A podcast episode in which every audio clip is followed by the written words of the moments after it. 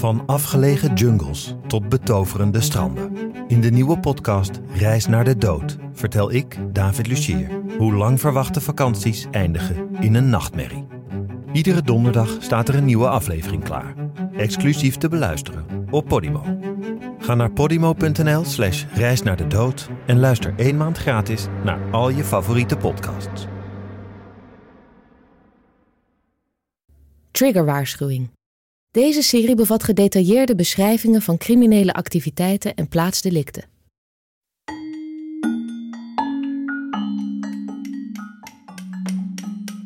Het is eind jaren 30 van de vorige eeuw. Een groep werklieden is bezig met het bouwen van huizen op een lap grond aan de oostkant van de stad Hull.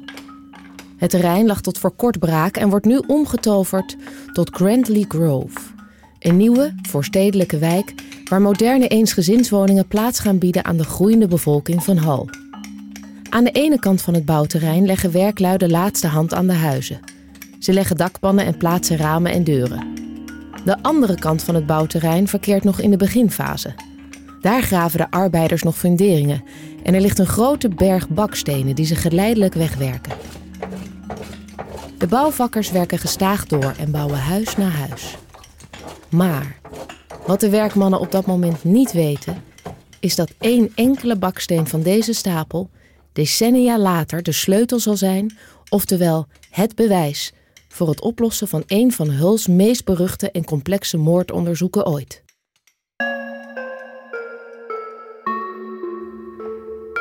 Mijn naam is Sanne Langelaar. Welkom bij Het Bewijs. Deze serie biedt een unieke kijk achter de schermen bij de meest opmerkelijke strafzaken van over de hele wereld. Luister en ontdek hoe simpele, alledaagse voorwerpen het doorslaggevende bewijs werden en hielpen bij het oppakken van moordenaars. Van Podimo en What's the Story Sounds is dit Het Bewijs, aflevering 2. De baksteen.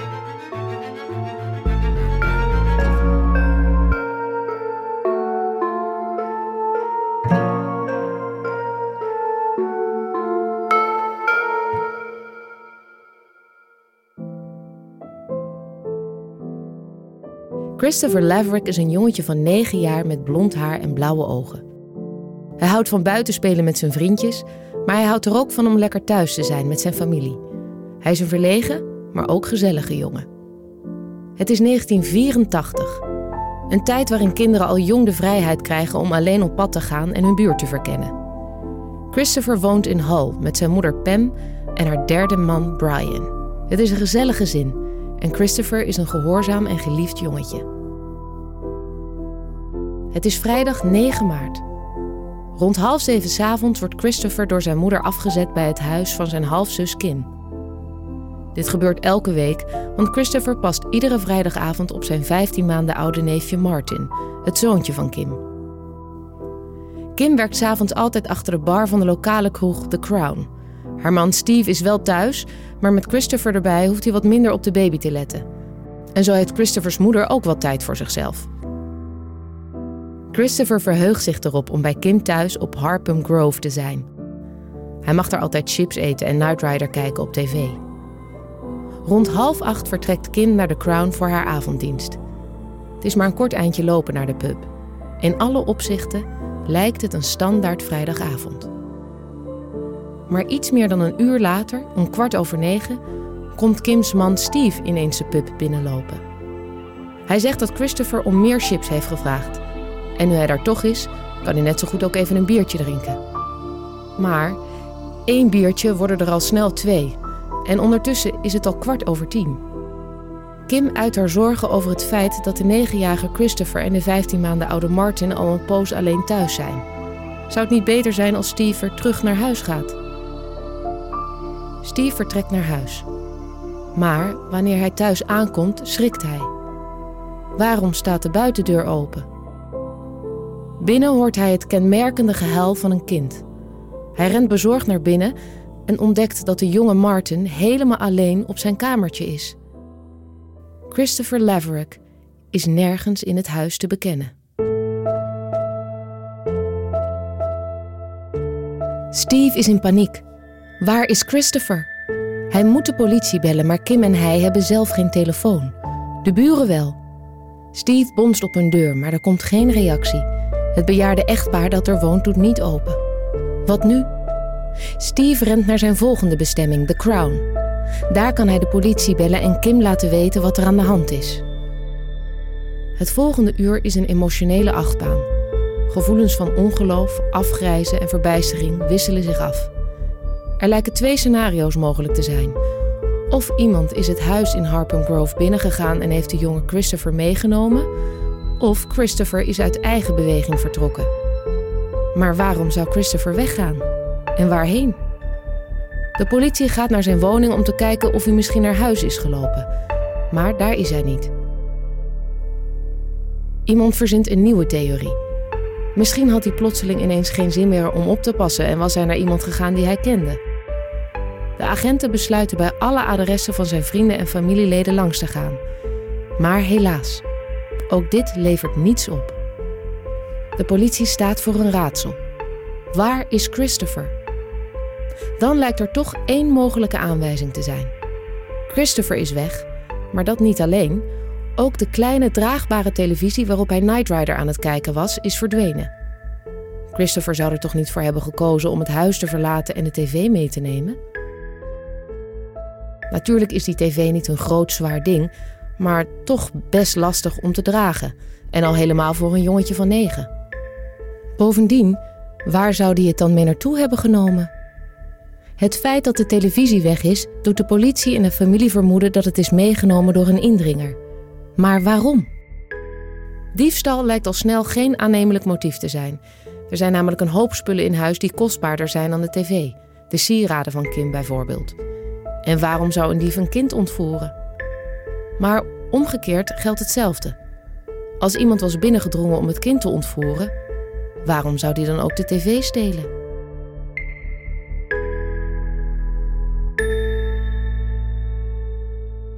In 1984 staat de forensische wetenschap nog in de kinderschoenen. Maar dat weerhoudt de politie er niet van om zoveel mogelijk bewijs veilig te stellen in het huis van Kim en Steve. Ze verzamelen vingerafdrukken in alle kamers. Ze onderzoeken of ze bewijs kunnen vinden van braak, maar vinden niks. Dat betekent dat diegene die binnenkwam waarschijnlijk heeft aangeklopt en is binnengelaten. Ook is er geen teken van een worsteling. Er zijn nergens zichtbare bloedsporen of kapotte spullen. Mogelijke getuigen zijn ook niet te vinden. Op één iemand na, de 15 maanden oude Martin. Maar die was natuurlijk te klein om licht te werpen op wat er is gebeurd. De familieleden van Christopher zijn de hele nacht misselijk van bezorgdheid om zijn verdwijning. Slapen gaat moeizaam en het gevoel van machteloosheid is overweldigend. De hele buurt is al uitgekampt, er valt nu nergens meer te kijken of te zoeken. Het enige dat ze kunnen doen is wachten.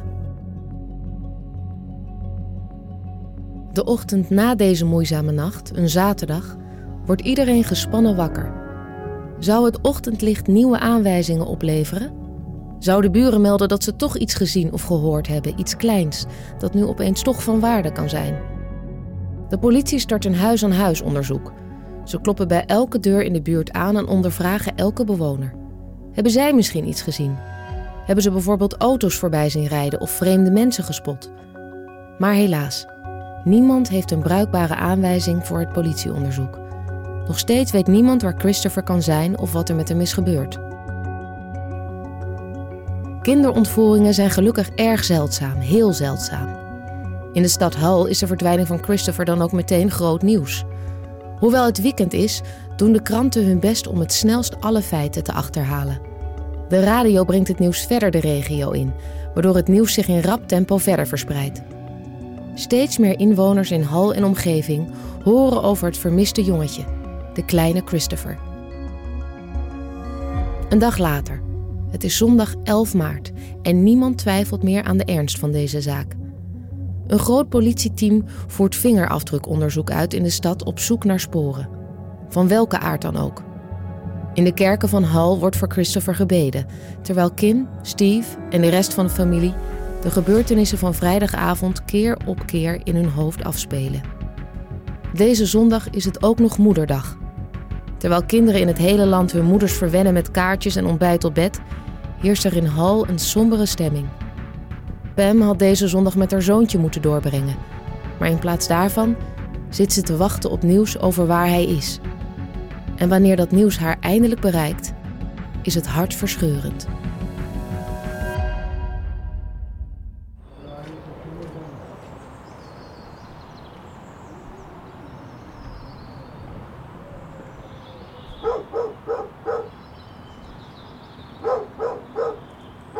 Je hoort het wel vaker. Iemand laat ochtends vroeg de hond uit langs een veld, bos of water en ziet ineens iets vreemds. Een gruwelijke ontdekking. Zo ook deze keer.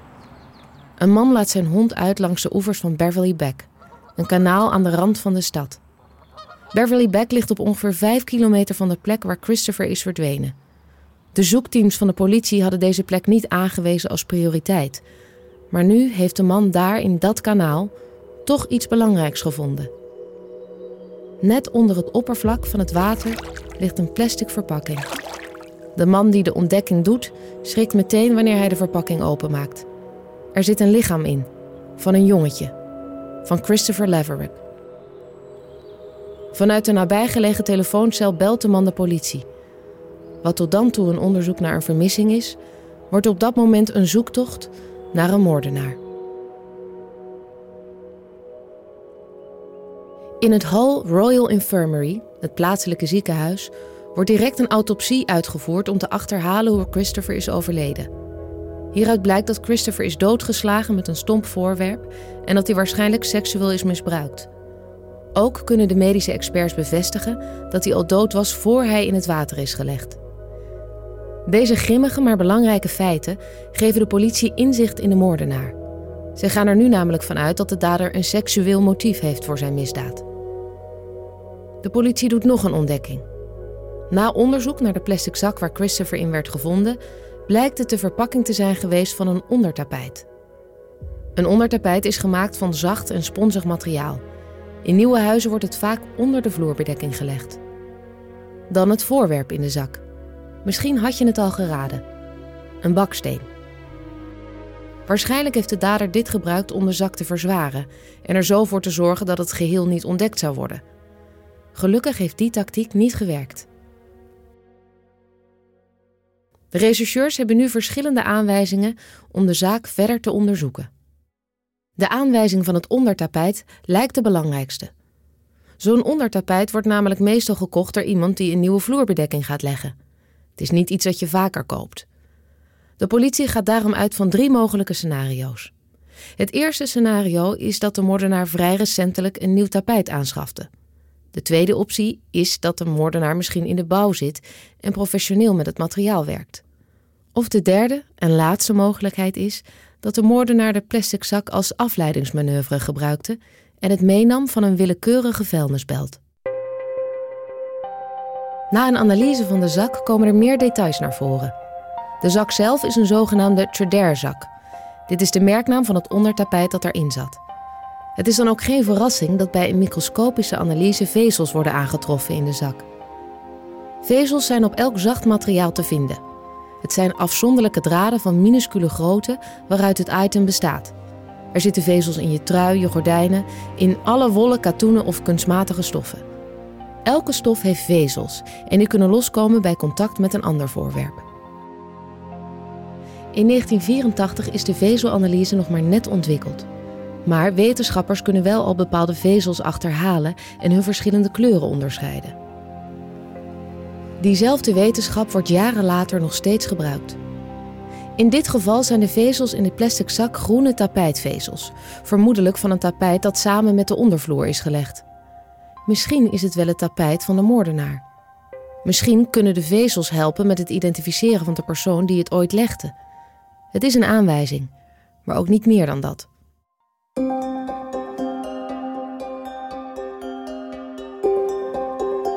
Wat eerst een klopjacht op de moordenaar was, verandert al snel in een felle zoektocht naar eigenaren van een nieuwe groene vloerbedekking.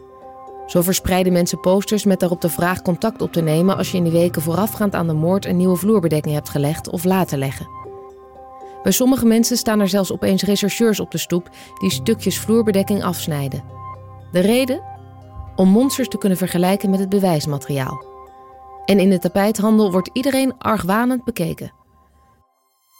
De moord op Christopher is op dat moment de grootste onopgeloste zaak in de wijde omgeving van Hal. Maar al snel zou het ook de meest beruchte worden. De rechercheurs zijn niet enkel op zoek naar het tapijt. Ze gaan namelijk uit van de hypothese dat Christopher zijn moordenaar kende. Er waren immers geen tekens van braak en geen sporen van een worsteling. Degene die binnen is gekomen, heeft zich een weg naar binnen gepraat. En heeft Christopher waarschijnlijk ook mee naar buiten gepraat. Alle naaste familieleden van Christopher worden dan ook ondervraagd. De politie heeft geen directe vermoedens of nieuwe sporen, maar ze willen ieders alibi tot op de minuut controleren, om er zo zeker van te zijn dat ze niets over het hoofd zien. De politie richt zich al snel op Steve, de vader van baby Martin en de zwager van Christopher. De rechercheurs willen weten hoe lang hij in de Crown zat en hoe lang de jongens alleen thuis waren. De eerste getuige die zijn verhaal over de biertjes in de pub bevestigt is zijn vrouw Kim. Maar ze willen nog meer getuigen horen. Ze spreken daarom ook met stamgasten die op de avond van Christopher's verdwijning in de Crown aanwezig waren. Niet iedereen geeft dezelfde schatting over hoe laat hij binnenkwam, weer vertrok en hoeveel hij had gedronken. Maar iedereen plaatst Steve die avond in de Crown. De rechercheurs lopen alles na, maar vinden geen enkel bewijs dat Steve in verband brengt met de verdwijning. Hoewel Steve zich enorm schuldig voelt dat hij de jongens alleen thuis heeft gelaten, heeft hij Christopher waarschijnlijk niet vermoord. Daarom zakt hij naar beneden op het verdachte lijstje van de politie. Ook enkele andere familieleden worden uitgenodigd voor een gesprek. Onder wie Christopher's stiefvader, zijn ooms en andere relaties. Maar niemand lijkt te voldoen aan de criteria waar de politie op zoek naar is. Iedereen heeft een alibi. De politie speelt nog met een andere gedachte. Als het de bedoeling van de insluiper was om Christopher mee te nemen, dan moet hij hebben geweten dat de jongen daar was en dat hij zonder toezicht was. Het huis van waaruit hij werd meegenomen is immers niet zijn eigen huis, maar wel eentje waar hij elke vrijdag te vinden was. Hield de moordenaar het huis in de gaten en wist hij dat er geen volwassenen aanwezig waren? Het lijkt hoogst onwaarschijnlijk dat de moordenaar een toevallige opportunist is. Maar wie wist er dan dat Christopher die avond alleen was?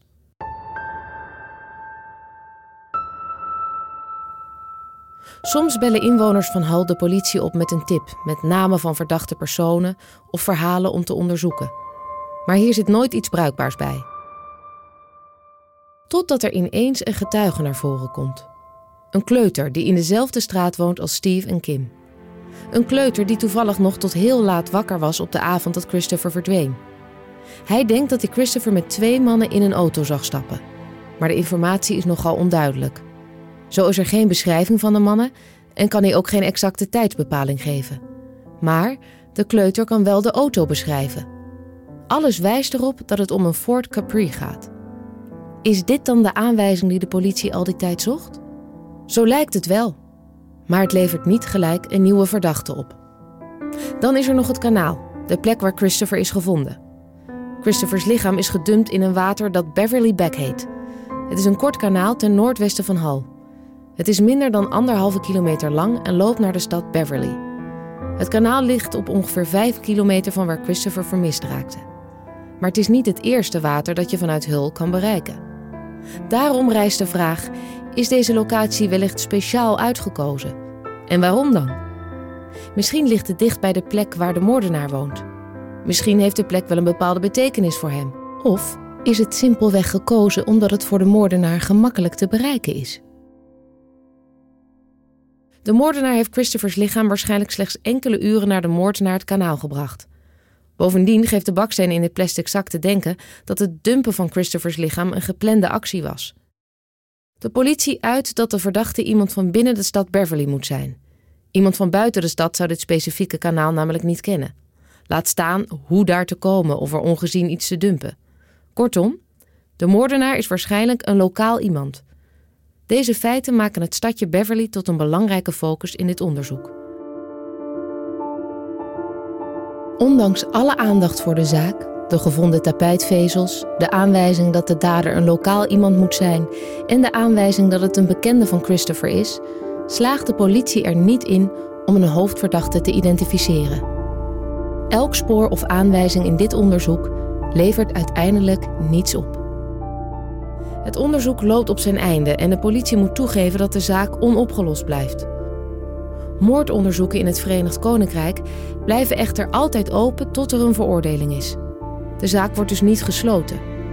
Maar op dat moment is er helaas niets meer dat de politie kan doen om de zaak verder te onderzoeken. Christopher's moordenaar kan niet worden gevonden. We nemen een sprong naar 2003, maar liefst 20 jaar na de verdwijning van Christopher. In dat jaar neemt de zaak ineens een nieuwe wending. Eens in de zoveel tijd werpt de politie een blik op onopgeloste zaken. Cold cases worden nog een keer tegen het licht gehouden. Rechercheurs kijken dan of er antwoorden te vinden zijn met behulp van nieuwe wetenschappelijke technieken. Zo ook in 2003. En zo waar komt er gelijk een nieuwe naam bovenaan het lijstje van verdachten te staan. De naam van Melvin Reed, een oom van Christopher. In 1984 wist de politie natuurlijk al van zijn bestaan. Ze liepen namelijk alle familieleden na als onderdeel van een routineonderzoek. Maar op dat moment hadden ze geen reden om aan te nemen dat deze Melvin Reed betrokken was. Maar dan verandert er iets waardoor de aandacht op hem wordt gevestigd. Reed zit namelijk in de gevangenis. Hier zit hij een straf van 7,5 jaar uit voor het plegen van seksuele misdrijven bij kinderen. Dit maakt hem nu in 2003 een belangrijke verdachte in de zaak van Christopher Laverick. Want waar was hij op het moment dat Christopher werd vermoord? Hoe sterk was zijn alibi in 1984? En is hij verantwoordelijk voor deze verschrikkelijke moord?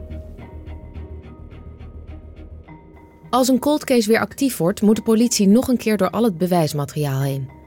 Alles moet worden nagelopen om er zeker van te zijn dat er niets over het hoofd wordt gezien. Het gaat vaak om honderden documenten, foto's en monsters. In deze zaak is de taak in eerste instantie vrij eenvoudig. Het opzoeken van al het bewijsmateriaal met betrekking tot Melvin Reed en dit alles nog een keer nalopen.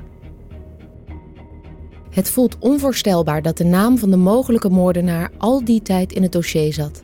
En dat het een familielid van Christopher is. Maar het bewijs wijst wel die kant op. Nu de politie zich richt op Reed, vallen er ineens allemaal dingen op hun plek. Een van de eerste dingen die de onderzoekers ontdekken is dat Reed in 1984 in een, jawel, Ford Capri reed. Hetzelfde type auto dat de kleuter destijds beschreef. Dat de auto overeenkomt is op zichzelf echter niet voldoende bewijs. Daarom controleert de politie zijn alibi en nemen ze zijn verklaringen door. En ze doen een ontdekking. Op de avond dat Christopher was meegenomen, heeft Melvin Reed iets gedronken in The Crown. Diezelfde kroeg waar Christopher's halfzus Kim aan het werken was. En de kroeg waar Steve wat biertjes dronk terwijl de jongens alleen thuis waren. De politie voelt dat ze een stap dichterbij zijn. Ze hebben nu een verdachte. In 2006 wordt Melvin Reed uit de gevangenis gehaald en gearresteerd op verdenking van de ontvoering van en moord op Christopher Laverick. Ze nemen hem mee naar een verhoorkamer waar ze hem een aantal vragen stellen over die avond. Melvin ontkent elke betrokkenheid bij de misdaad.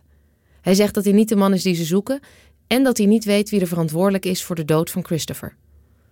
Nog altijd heeft de politie geen hard bewijs tegen Reed.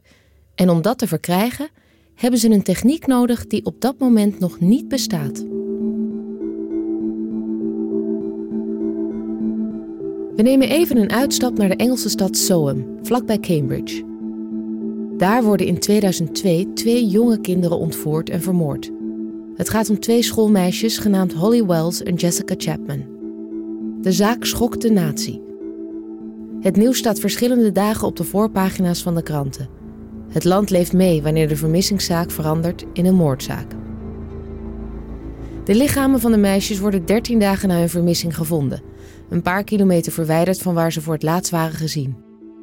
De plek is bedekt met brandnetels en omringd door heggen. Tot dan toe is nauwelijks bekend dat bodem- en plantmonsters volledig uniek kunnen zijn en iets vertellen over hun herkomst. In het geval van deze zaak matchen de bodemmonsters van de plaats delict met de monsters die werden gevonden in het huis van de verdachte, Ian Huntley. Het is de aanleiding voor zijn arrestatie. Het nieuws over deze zaak verspreidt zich als een lopend vuurtje.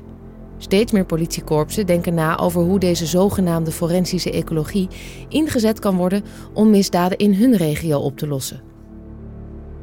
In Hull zijn rechercheurs bezig met de zaak van Christopher Laverick. Ze vragen zich af of dezelfde technieken gebruikt kunnen worden om hen te helpen in hun onderzoek. Al het bewijsmateriaal is goed bewaard en veiliggesteld. Bovendien hebben ze een verdachte, Melvin Reed. Ze nodigen daarom een forensisch ecoloog uit om een kijkje te komen nemen. De focus ligt vooral op de baksteen die is gebruikt om de zak in het kanaal te verzwaren. Zou deze baksteen aanvullend bewijs kunnen opleveren?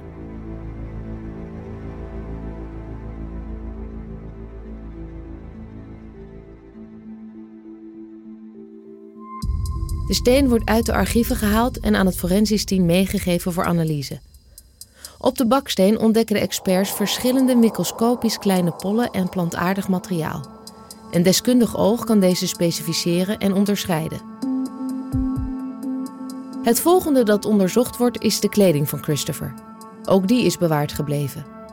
De kleding is ondergedompeld in water, dus er bestaat enige twijfel over wat er nog op kan worden gevonden. Het onderzoek geeft echter aan dat het stuifmeel een plantaardig materiaal bevat dat overeenkomt met de baksteen. Maar waar komt dit plantaardig materiaal vandaan? Er bestaat een stevige verdenking op Melvin Reed. Daarom verzoekt het team de officier van justitie om bewijs te verzamelen uit de tuin van Reed, in het huis waar hij in 1984 woonde in Grantley Grove.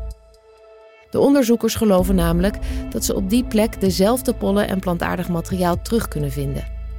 Met het verkregen huiszoekingsbevel in de hand gaan de onderzoekers naar de tuin in Grantley Grove. Na al die jaren is het huis van eigenaar veranderd. Ze doorzoeken de tuin en verzamelen monsters van mogelijk bewijsmateriaal om te analyseren. En jawel, in de tuin van Melvin's Reed oude huis doen ze een ontdekking. De vijver mist een baksteen. Bovendien komen de gevonden plant- en bodemmonsters uit de tuin overeen met de monsters op de baksteen en op Christopher's kleding. Het bewijs waar ze al die tijd naar zochten is gevonden. Het wijst overduidelijk aan dat Melvin Reed de moordenaar van Christopher is. De politie was al op de hoogte dat Melvin die avond in de kroeg was geweest. Waarschijnlijk heeft hij daar Steve en Kim gezien. En misschien wist hij wel dat Christopher elke vrijdagavond op zijn neefje paste en daardoor die avond alleen thuis was. Vervolgens is hij op bezoek gegaan en heeft Christopher overtuigd om met hem mee te gaan. Wellicht mocht hij de draagbare tv meenemen. De misdaad die volgde is onvoorstelbaar. Duidelijk is dat Christopher in de tuin van Reed is vermoord en zijn lichaam daarna in het kanaal is gedumpt. Bovendien geloven rechercheurs dat de baksteen die hij gebruikte om de plastic zak te verzwaren ook het stompe voorwerp was waarmee hij Christopher om het leven bracht. Het forensisch team vindt kleine stukjes stuifmeel op de baksteen. Deze microscopisch kleine deeltjes vertellen precies wat er gebeurd is. Het bewijs is opzienbarend, maar het komt te laat. Melvin Reed stierf in 2008 in de gevangenis, zonder ooit formeel te zijn aangeklaagd voor de moord op Christopher. Desalniettemin is de politie er zeker van dat hij de verantwoordelijke is. Vanuit deze overtuiging vragen ze het OM om het bewijsmateriaal te bekijken. Zij bevestigen dat de zaak sterk genoeg zou zijn om Melvin aan te klagen, mits hij nog leefde. Het bewijs is overtuigend en daarom sluiten ze de zaak officieel af. Detective Higgins, die het onderzoek leidde, zegt dat de zaak een van de moeilijkste is waarmee hij ooit te maken heeft gehad. Hij zegt: Dit was een zeer complexe zaak om op te lossen. Maar er is weinig belangrijker dan het oplossen van een moord op een kind. En voegt eraan toe: Reed was een duivelse man. En een man zonder enig berouw. Ik ben blij dat Christopher's familie dit nu enigszins kan afsluiten en weet wat er gebeurd is.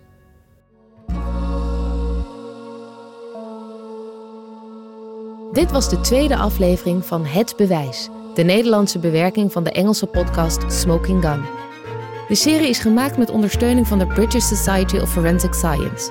Geproduceerd door What's the Story Sounds, vertaald door Marjolein Kamstra en verteld door mij, Sanne Langelaar. Het Bewijs is een productie van Dag en Nacht Media in opdracht van Podimo. De montage en mixage is gedaan door Jeroen Sturing, de productie door Anne Janssens en Gabi van Schaik. Graag tot de volgende keer.